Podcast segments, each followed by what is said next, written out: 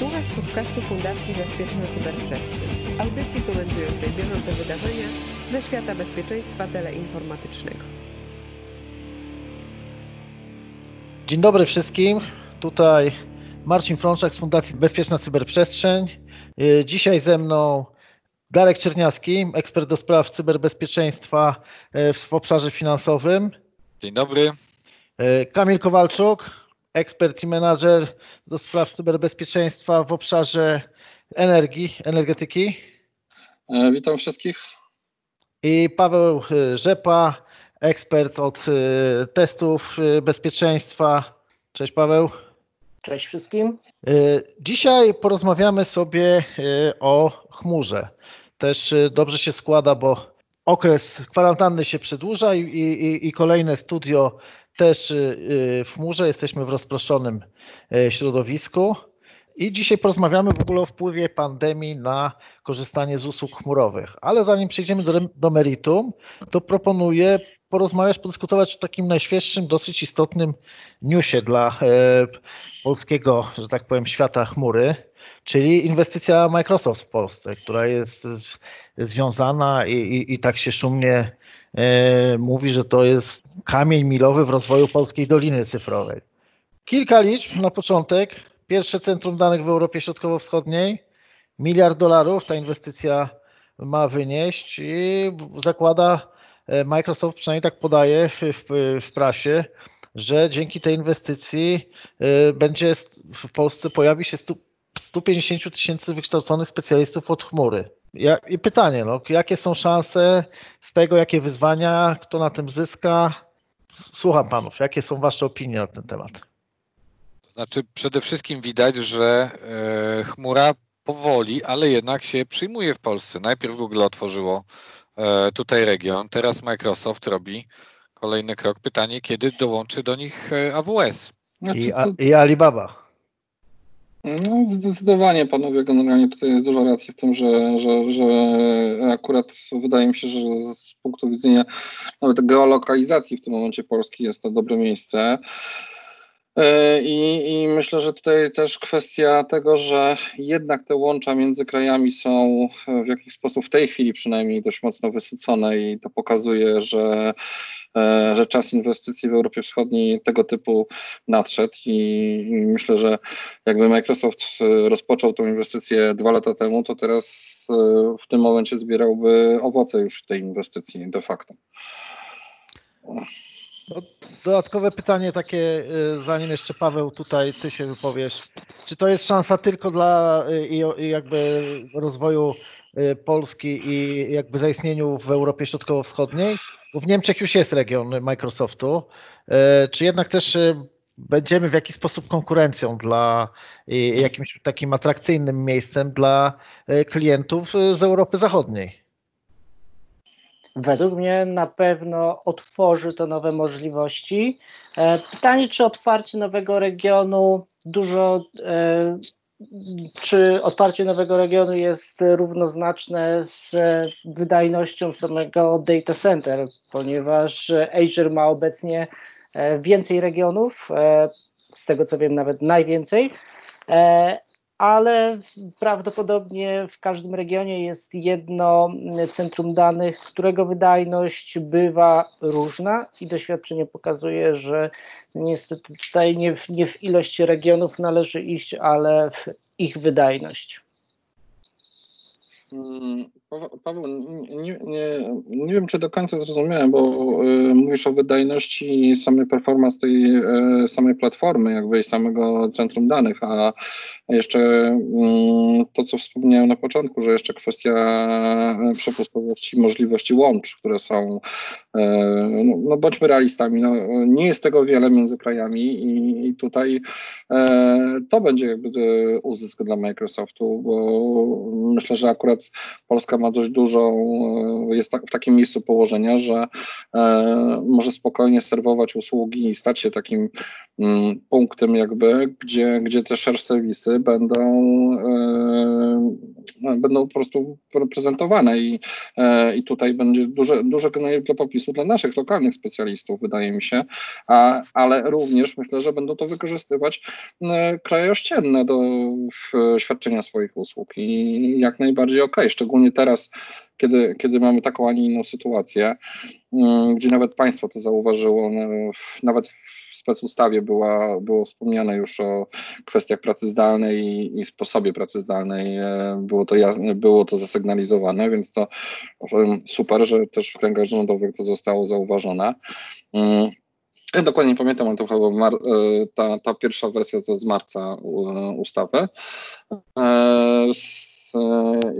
I, I, również druga, druga rzecz, to daje naprawdę fajne podwaliny do budowania takiego Silicon Valley w Polsce. Zdecydowanie się z tym zgadzam. No. Mhm. Natomiast przez e, problemy z wydajnością mam na myśli um, ostatnie e, przejścia z e, Azure, który miał gdzieś, gdzieś właśnie te capacity issues, także tutaj e, nie, nie, nie pije do tego, e, do problemów wydajnościowych łącza, ale do właśnie No faktycznie, tak jak, tak jak Paweł powiedział, było widać, e, kiedy wszyscy raptem pewnego dnia e, wyszli z biur i przesiedli się na pracę zdalną, że no jednak to jedno z bardziej popularnych narzędzi, wręcz lansowane jako narzędzie pracy grupowej przez Microsoft, no zaliczyło lekką wtopę. Jeszcze się poznęcamy nad Microsoftem troszeczkę. Ja, ja, bym, ja bym jeszcze tutaj y, pozostał przy tej inwestycji, y, zanim przejdziemy do tego meritum y, dzisiejszego podcastu i, i, i, i porozmawiamy, jak, jak, jak te usługi się y, zachowują, że tak powiem, podczas pandemii. Ale wracając do inwestycji jeszcze tak z punktu widzenia na przykład klienta biznesowego, bo widzimy trend teraz i w, y, i w rządzie, i w, w sektorze finansowym, że tą furtkę coraz szerzej otwierają dla usług chmurowych. Y, I pytanie, czy perspektywa dla klientów, że to centrum danych będzie w Polsce, będzie tak blisko zlokalizowane, to coś zmieni pod kątem takiego przełamania takich barier związanych też z zaufaniem, z kwestiami bezpieczeństwa. No, z, z całą pewnością, no przecież kto jest tutaj e, takim spiritus movens tego całego ruchu? No, operator chmury krajowej. Operator chmury krajowej jest podmiotem, w który no, nie, może nie bezpośrednio państwo inwestuje, ale inwestuje za pomocą podmiotów od siebie zależnych, więc no, wyraźnie jest to kierunek pewnej polityki państwa. Znaczy dwie, dwie sprawy. Po pierwsze, generalnie to, co doniosłem się do tego, co Paweł powiedział a propos tego capacity i, i, słusznie, tylko że to jest wpisane w model biznesowy jakby chmury, bo z definicji było założenie, że, e, e, że to jest overbooking e, z usług. E, e, I pierwszy raz ktoś w, w pewnym, doszliśmy do tego momentu, przetestowaliśmy ryzyko, które, które się zmaterializowało właściwie, o którym wszyscy mówili, że to się nigdy nie zdarzy, a jednak, że, że overbooking booking generalnie nie działa w takich sytuacjach, jak mamy teraz. No ale kto by się spodziewał, e, że coś takiego nastąpi. E, to jest pierwsza sprawa i, i to jest po prostu wynik typowo modelu biznesowego. A, e, a druga, druga kwestia to mm, w kontekście nawet łańcucha dostaw w tym momencie, bo to zaufanie do szeroko rozumianych usług, które świadczyły do tej pory centra w Azji, e, myślę, że będzie trochę nadszarpnięte po, e, po tym, co się działo do tej pory i, i, i myślę, że tutaj spojrzenie w kierunku Europy Wschodniej, która no, też nie ukrywajmy, no, usługi w Europie Wschodniej są dalej tańsze niż, niż na Zachodzie i to, i to często nawet to są rząd wielkości prawie, że no to tym bardziej zapotrzebowanie specjaliści, czy z Polski, czy z Ukrainy, którzy może przyjadą do nas, e, i, czy, czy nawet z Białorusi. E, myślę, że tutaj akurat Polska ze swojego położenia może ściągnąć takich ludzi mm, i, i budować całkiem fajny w tym momencie takie know-how e, w obszarze cloudu na, na Europę. To ja prawda, jesteśmy w tej chwili już znaczy może inaczej, nie my jesteśmy. E, azjatyckie rynki nie są już tak bardzo tanie jak kiedyś, jesteśmy w tej chwili w stanie z nimi konkurować cenowo, a jeśli chodzi o jakość, no uważam, że dostarczamy wyższą jakość za porównywalną cenę. No, poza tym jeszcze druga sprawa. Wchodzą w tej chwili te kwestie związane z automatyzacją procesów biznesowych, czyli robotyzacja, to ogólnie tu cudzysłowie, jak się nazywa, dla procesów choćby kadrowych czy, czy procesów finansowych. E, jakieś, e, jakieś boty, e, które, które wykonują pewne też czynności. Więc to zapotrzebowanie w kontekście, e, mówiąc nieładnie, może na nisko wykwalifikowanych, będzie coraz będzie malało, zwiększało, będzie, będzie większy popyt na ludzi kreatywnych, na ludzi, którzy będą tworzyć trochę bardziej skomplikowane e, procesy i automatyzować je, a poniekąd chmura jest jakby takim miejscem, gdzie testowanie i rozwój nowego, nowych, e, nowych usług jest po prostu no, takim świetnym miejscem do tego. Postawienie środowiska testowego w chmurze to jest no, sprawa trywialna dla e, niejednego z nas. Przypuszczam, że przechodziliśmy to nieraz. I, e, a postawienie tego w formie tradycyjnej no, jest to karkołomne wyzwanie. Więc tym bardziej ten rozwój jakby tutaj, no mówię, ja, ja, jestem bardzo, bardzo dobrze nastawiony na to, że, że tutaj akurat Polska będzie bardzo fajnie może, może się to opisać i, i nawet ta kwestia rozwoju internetu rzeczy, 5G, 5G które wchodzi do Polski, będzie bardzo fajnie z tym korespondować. E, cieszy mnie ten entuzjazm związany z, z, inwestycją Microsoftu. Ja też mam nadzieję, że e, powstanie dużo jakby nowych e, specjalistów też w dziedzinie bezpieczeństwa rozwiązań chmurowych, bo właśnie do tego chciałbym teraz płynnie przejść, o czym już troszeczkę powiedzieliśmy. No, pandemia jakby wymusiła nagłe zainteresowanie i, i, i, potrzebę e, korzystania z usług i przeniesienie e, normalnej działalności tam, gdzie się da, do tego świata wirtualnego. I takim naturalnym e, i chyba najbardziej wygodnym rozwiązaniem było właśnie zwrócenie się ku usługom chmurowym. To, to, to co my robimy teraz, nagrywając ten podcast, no to też korzystamy z rozwiązań chmurowych. No i teraz pytanie właśnie o tą wydajność, tak? Jak to się odbiło na dostawcach? Czy oni mieli jakieś problemy? Czy to płynnie sobie z tym poradzili?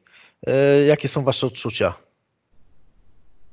Ja uważam, że nie, firmy, które już wcześniej się zmigrowały do chmury, no to są w stanie obsłużyć znacznie wzmożony ruch i mam tu na, na myśli na przykład Netflix, Slack, którzy gdyby, gdyby mieli swoje centra danych, to, to bardzo sceptycznie e, podchodzę do ich możliwości obsłużenia nagle e, znacznie e, zwiększonego ruchu.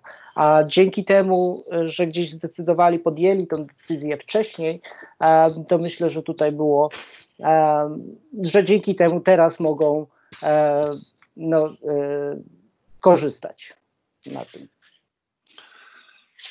Znaczy, ja bym powiedział w ten sposób, że to, to jest złożony proces i to jest, e, to jest e, i, i szansa, i ryzyko e, de, de, facto dla nas.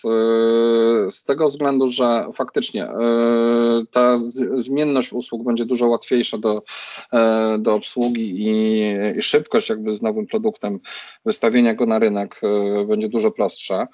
E, a z drugiej strony ryzyka, które powstają, to kwestia no, tego mm, e, w zasadzie zabezpieczenia danych, e, jakie posiadam i jakie dane de facto chcemy tam umieścić i, jakie dane chcemy przetwarzać w chmurze, bo tu się pojawiają problemy.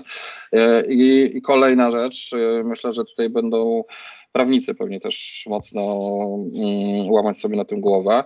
To kwestia zabezpieczenia też e, firmy, bo bądźmy, bądźmy realistami, że jeżeli będziemy mieli jakieś usługi, jakieś procesy korowe przeniesiemy do, do chmury, jak może w przemyśle czy w energetyce, e, no to jeszcze pewnie jeszcze trochę wody przeminie, zanim, zanim to się w ogóle będzie rozważane poważnie.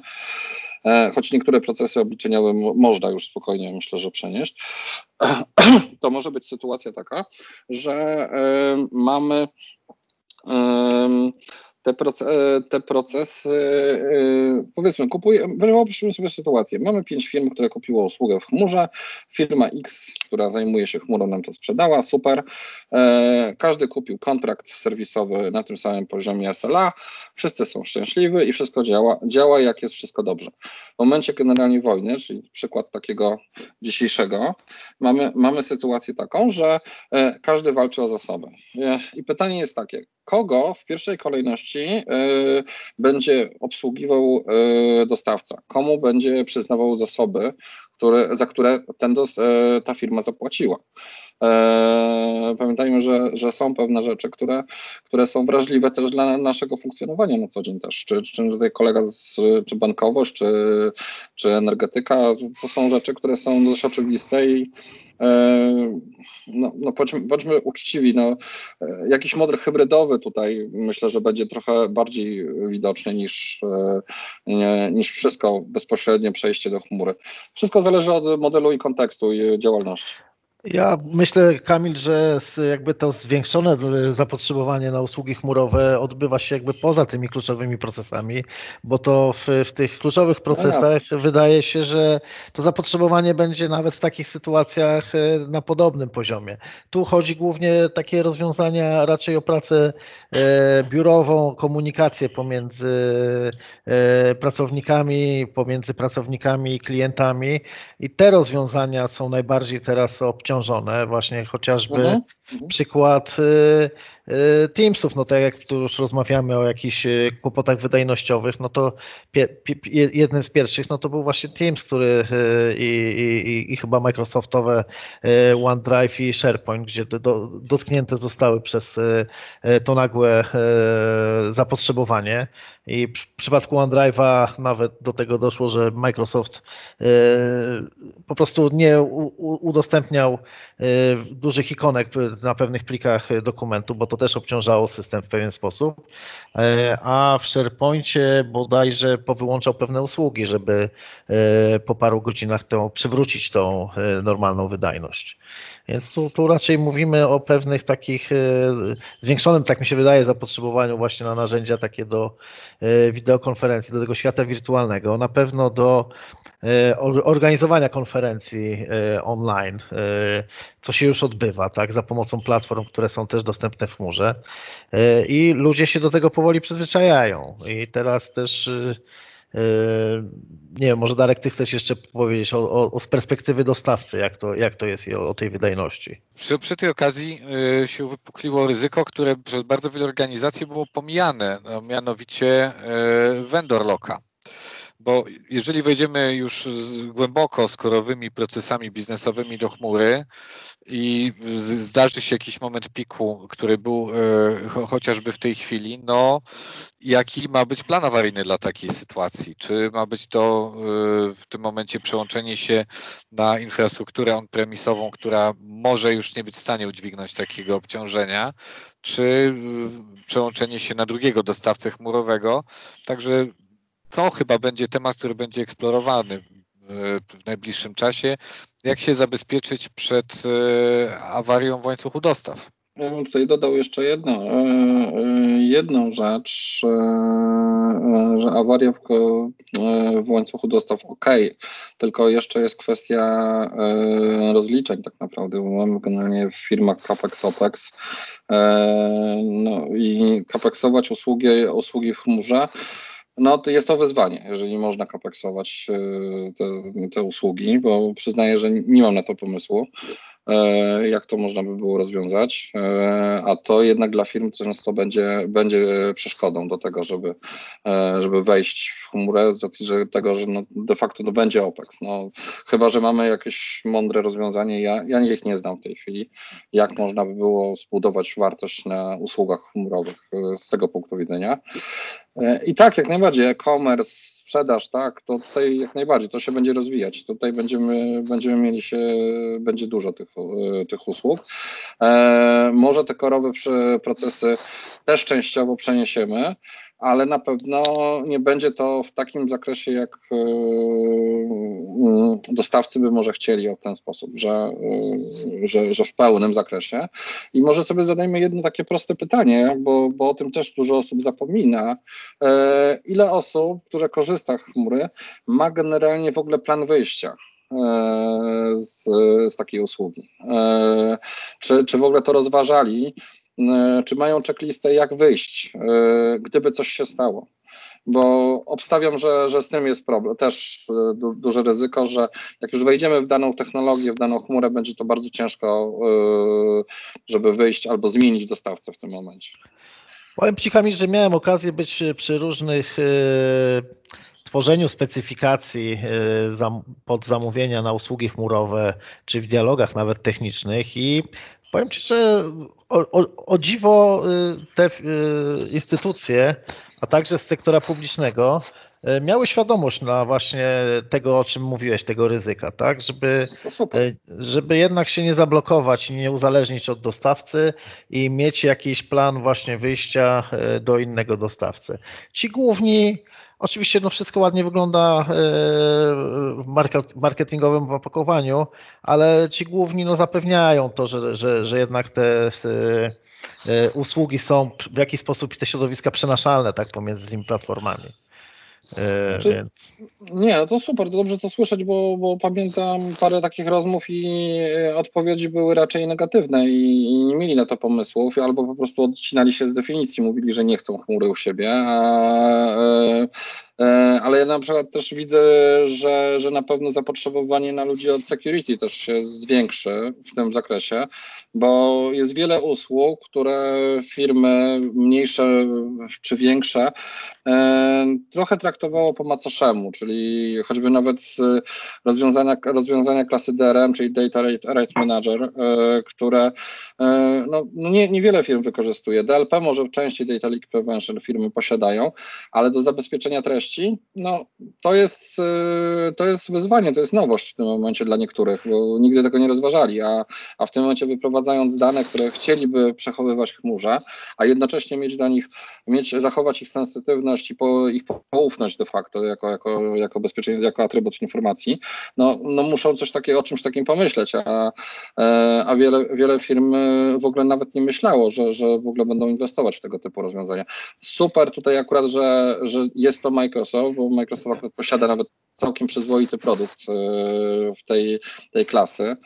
E, więc, e, więc mamy jakby, o, oni to już do, do, patrzyli, wypatrzyli tą niszę w, w rynku i, i obstawiam, że bardzo dużo firm wdraża te rozwiązania Microsoftu w, w tym obszarze. Akurat no, tak się składa, że no, większość firm w Polsce wykorzystuje raczej e, Office 365 czy coś takiego, tego typu usługi, no to był trafił, trafił w dziesiątkę, no bo, no bo pracujemy na MS-ie w większości przypadków. No. E, mhm.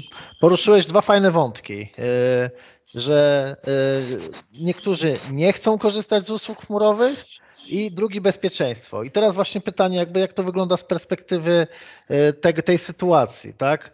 Czy ci, co nie chcą, będą tak naprawdę zmuszeni, bo sytuacja się y, zmieni i jakby podejście do korzystania w ogóle z usług y, y, chmurowych przy w ogóle prowadzeniu biznesu, przy komunikacji z klientami, komunikacji między pracownikami, to już będzie w zasadzie coś, co jest domyślne, co już jest, będzie wykorzystywane powszechnie, czy, czy, czy jednak będą mieli, będą się trzymać tradycyjnych rozwiązań, że ludzie przyjeżdżają jednak do pracy i będą się starać nie wchodzić w te usługi chmurowe. A druga rzecz, no właśnie to bezpieczeństwo, tak? Czy to, że przeniesiemy pewien ten część biznesu, tej komunikacji, pracy takiej grupowej do chmury, co wydaje się, że ci, którzy mieli opory, to teraz zmuszeni sytuacją E, szybko się przyzwyczaili. Człowiek jest taką bestią, że się szybko do, do, do, do pewnych rzeczy dostosowuje w, w, skrajnych przypadkach. No i teraz, czy to nie będzie znowu powodowało tego, że e, jakby cel atakujących e, się zmieni, tak? Że to będą łakome kąski do tego, żeby jednak to wykorzystać jako wektor ataku, do, żeby dostać się do tych e, danych wrażliwych i, i, i w ten sposób dostać się do środowisk organizacji. Na znaczy, pewno no... zmieni się, na pewno się zmieni kultura pracy, ponieważ te kilka tygodni, które y, mamy za sobą, pokazały, że firmy potrafią funkcjonować, y, niektóre nawet całkiem nieźle, bez przestrzeni biurowej. Czyli y, na tym use case wyjdzie, że no, może nie ma sensu e, trzymać ludzi w biurach e, i praca zdalna stanie się pracą coraz e, bardziej powszechną i być może nawet pożądaną ze względu na rachunek ekonomiczny. Jednak e, przygotowanie stanowiska pracy dla człowieka, wynajem przestrzeni biurowej, opłacenie mediów, umeblowanie e, tego pomieszczenia, no, to są jakieś realne pieniądze, które za tym stoją ci przysłowiowi źli faceci w tej chwili się e, skupią na tym, na, na poszukiwaniu jakichś podatności w protokołach komunikacyjnych, popularnych e, protokoł, popularnych komunikatorów, do czego przykładem może być chociażby e, to, co się stało z, e, o może podpowiedzcie mi nazwę, na pewno słyszeliście o tym. E, Zoom? Z Zoomem, dokładnie. No Zoom, tak, Teams, no to tych podatności się teraz pojawiło, tak? O ile mhm, to -huh. wcześniej nie było słychać o tych podatnościach, bo to też, umówmy się, no te, te, te narzędzia były wykorzystywane marginalnie, tak? Tak teraz są powszechnie e, wykorzystane i no, nagle się podatności pojawiają. Znaczy, wiecie co, to znaczy jedna rzecz, e, znaczy w sumie dwie, bo, bo, bo, bo nie do końca się zgodzę, że marginalnie, dlatego że przedsmak tych, wykorzystania tych narzędzi mieliśmy przy wybuchu wulkanu, kiedy samoloty przestały latać. E, to była pierwsza rzecz, e, która się wydarzyła i to już było, wymagało pracy zdalnej dla wielu firm, które są szczególnie międzynarodowe. To jest, e, to jest jedna rzecz, e, która, która, która zaistniała. I, I może odpowiadając trochę też na, na to, co, co tutaj Marcin pytał, e, to może miałem akurat dzisiaj takie spotkanie z kilkoma osobami z różnych firm, z sektorowych i nie tylko. E, od bezpieczeństwa notabene i, i właśnie były osoby, które powiedziały, że, że one absolutnie nie będą wchodzić w chmurę. Ja powiedziałem, że ja na to odpowiedziałem w ten sposób i może to też będzie jaka dobra puenta tego, e, że chcesz z tym walczyć, nie wygrasz. Biznes będzie chciał usług szybko i e, serwowanych. E, jedyne, co możesz zrobić, to to ucywilizować w tym momencie, więc ten, ta atencja bezpieczeństwa na, na usługi e, chmurowe będzie dużo większa, więc tym bardziej te produkty będą coraz bardziej dojrzałe. I tak zakładam, bo do tej pory było to wykorzystane zupełnie w innych celach. To było po prostu mm, rozproszone zespoły, tego typu kwestie y, pracy. Jeśli chodzi o pracę z, z domu, tutaj y, Darek nie, nie zgodzę się z tym absolutnie, dlatego że takie badania były prowadzone e, i, i wiele firm entuzjastów pracy zdalnej, pracy z domu e, twierdziło, że jest super. Potem jak zrobili badania, to wyszło im, że około 30% y, wydajność pracowników spadła i wiele firm jednak wróciła do modelu praca, do, e, praca z biura. E, to jest kwestia po prostu higieny pracy, dom, prac, dom e, praca, rozdzielenia tych dwóch e, światów.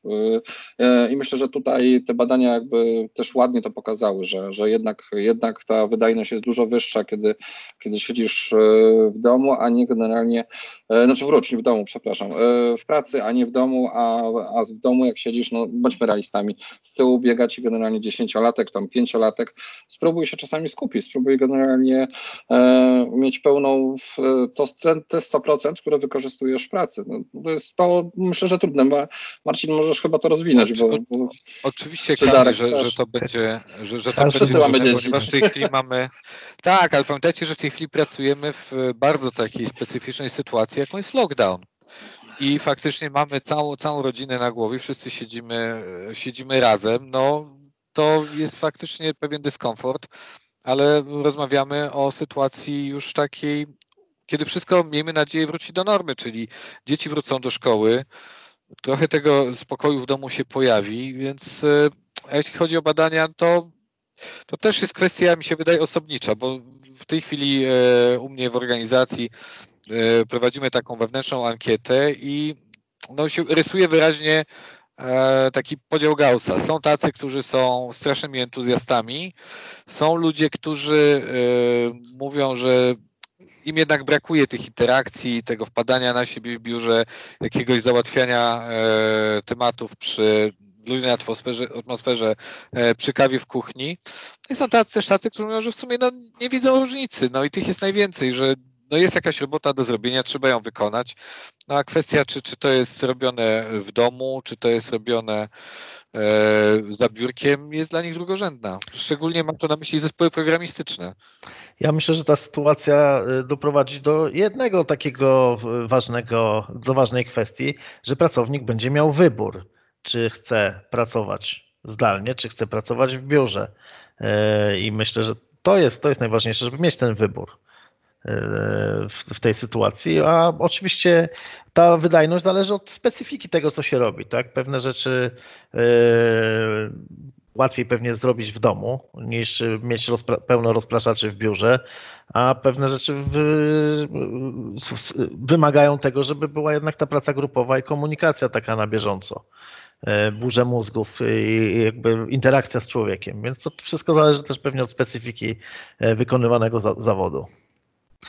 No myślę, że też, też dużo zależy od tego od menadżerów w tym momencie, którzy będą musieli troszeczkę przemodelować swój sposób zarządzania działami, bo, bo to też zmienia. Jeżeli osoby, które nie pracowały wcześniej zdalnie albo nie pracowały w zespołach rozproszonych, e, no pamiętajcie, my jesteśmy generalnie z branży, jesteśmy z IT, jesteśmy z high-techu, więc no, dla nas to jest coś oczywistego. E, praca zdalna i niewidzenie drugiego człowieka, e, pracujemy z tym na co dzień, niezależnie od tego, czy jesteśmy w biurze, czy nie. Ale wie, wiele osób, wiele osób biznesowo, e, które pracują w innych branżach, tak zwany no, nasz tak zwany szeroko rozumiany biznes, dla nich jest to nowość. Oni się dopiero tego uczą. I, i myślę, że tutaj jest duża nauka przed menedżerami, jak przygotować swoich ludzi do tego, żeby pracować, jak zarządzić nimi i jak generalnie pilnować kwestii pracy. No, bądźmy realistami. No, w tej chwili wszyscy, jak tutaj jesteśmy, obstawiam, myślę, że się nie pomylę, spędzamy przynajmniej godzinę, dwie więcej y, niż y, pracując z biura, bo, bo wszystko wymaga telefonu, wszystko wymaga maila, wszystko wymaga komunikacji jednak, którą musisz nawiązać z drugą osobą, a nie jest to w pięć minut załatwiona sprawa przy kawie czasami, bo to też tak e, działa. Więc to, to też bierzmy tą poprawkę na to, bo, bo to, to nie jest takie proste. Okej, okay. zbliżamy się do końca. Ja bym chciał podsumować ten nasz podcast i takich y, główne tezy tego naszego tutaj podcastu, czyli jaki jest wpływ epidemii na stosowanie rozwiązań chmurowych, żebyście podsumowali każdy w jednym zdaniu. E, kultura pracy.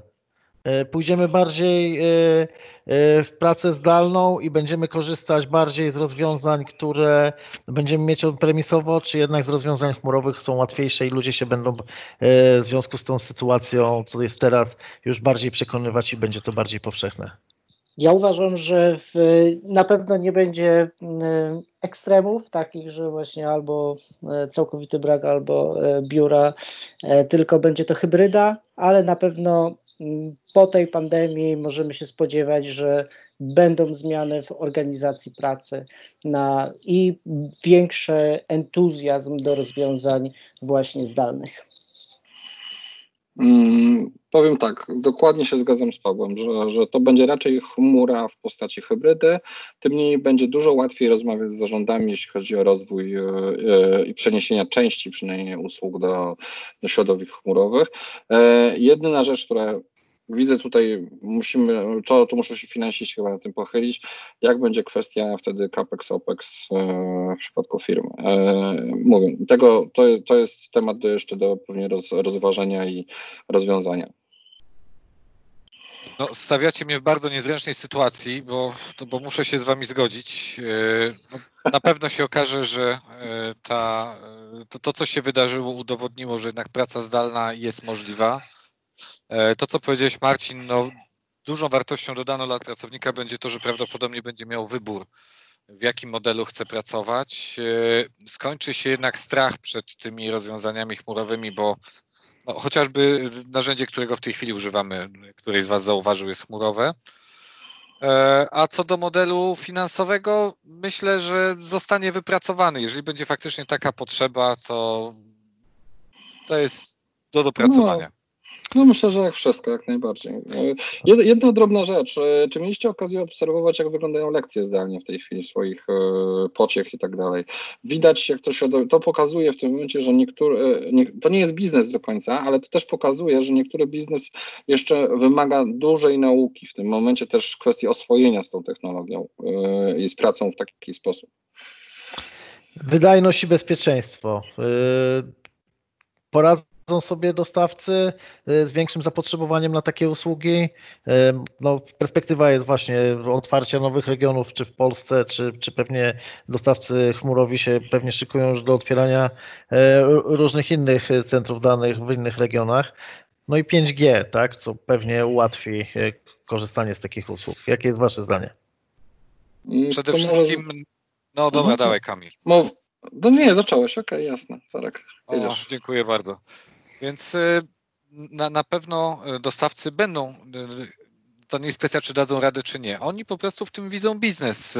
Wszystkie chmury działają w modelu pay as you go, czyli jeżeli dostawca chmury nie jest w stanie świadczyć usługi, to są dla niego realnie utracone korzyści, więc pójdzie na pewno, pójdą za tym inwestycje i no, tak jak powiedziałem na samym początku, czekam na region AWS w Polsce. To może ja powiem w ten sposób, że na pewno jeśli chodzi o bezpieczeństwo, będzie nacisk na monitoring tych środowisk. Co za tym idzie, będzie zapotrzebowanie na specjalistów, którzy będą ten monitoring prowadzić. E, nie tylko dla, e, nie tylko przez e, firmę, która sprzedaje Ci usługę, ale również własne firmy będą chciały mieć pieczę nad swoimi danymi. W związku z tym będą chcieli monitorować, co się dzieje z ich danymi w chmurze. Więc tutaj widzę duży potencjał rozwoju, jeśli chodzi o usługi i, jakby cloud computing. Druga, druga kwestia to jest, e, mm, jak się od tego, jak transfer tych danych do, do, do chmury w ogóle się odbędzie w kontekście danych osobowych też. To jest jeszcze triki do, też do rozwiązania i, i, i na pewno powiem tak, będzie na pewno wykorzystanie większe, ale wpadki związane z security będą dużo bardziej spektakularne. Paweł, bo Kamil odpowiedział na pytanie, którego mia które miałem dopiero zadać, więc. więc teraz mamy chwilę. Tak. To była pauza, tak. Ja myślę, że w, w dobie pandemii, tych wszystkich wpadek Azura, bo tutaj trzeba zaznaczyć, że tych wpadek było więcej i nawet przed pandemią e, Walmart i Adobe, czyli jedni z największych klientów Azura, też zgłaszali te, te problemy właśnie z dostępnością zasobów w Azurze. E, to myślę, że to otworzy oczy e, wielu osobom, że jednak jeżeli mamy coś w chmurze, to dalej niestety trzeba pamiętać o tym, abyśmy mieli e, zdefiniowane procesy business continuity i disaster recovery. I dalej musimy być gotowi na to, że w którymś momencie coś pójdzie nie, nie tak po stronie dostawcy, Natomiast z drugiej strony e, pandemia też otworzyła, e, pokazała, e, co to znaczy, że chmura dostarcza naprawdę super skalowalność i jej znaczenie. Paweł, dodałbym jeszcze jedną fajną rzecz, e, którą zauważyłem, że firmy, które przynajmniej w modelu hybrydowym funkcjonowały, czyli już miały usługi częściowo w chmurze, były już wielkim wygranym e, w, tym, w tej gonitwie całej jakby przechodzenia na pracę zdalną. Choćby nawet z tego względu, że nie wszystkie firmy wydają takie trywialne rzeczy, laptopy swoim pracownikom. E, w tym momencie można było rozważyć, w zależności oczywiście od rodzaju pracy, na to, że pracownicy mogą pracować na swoich prywatnych komputerach, e, właściwie dając im tylko środowisko pracy. E, bardzo szybko zaserwować je.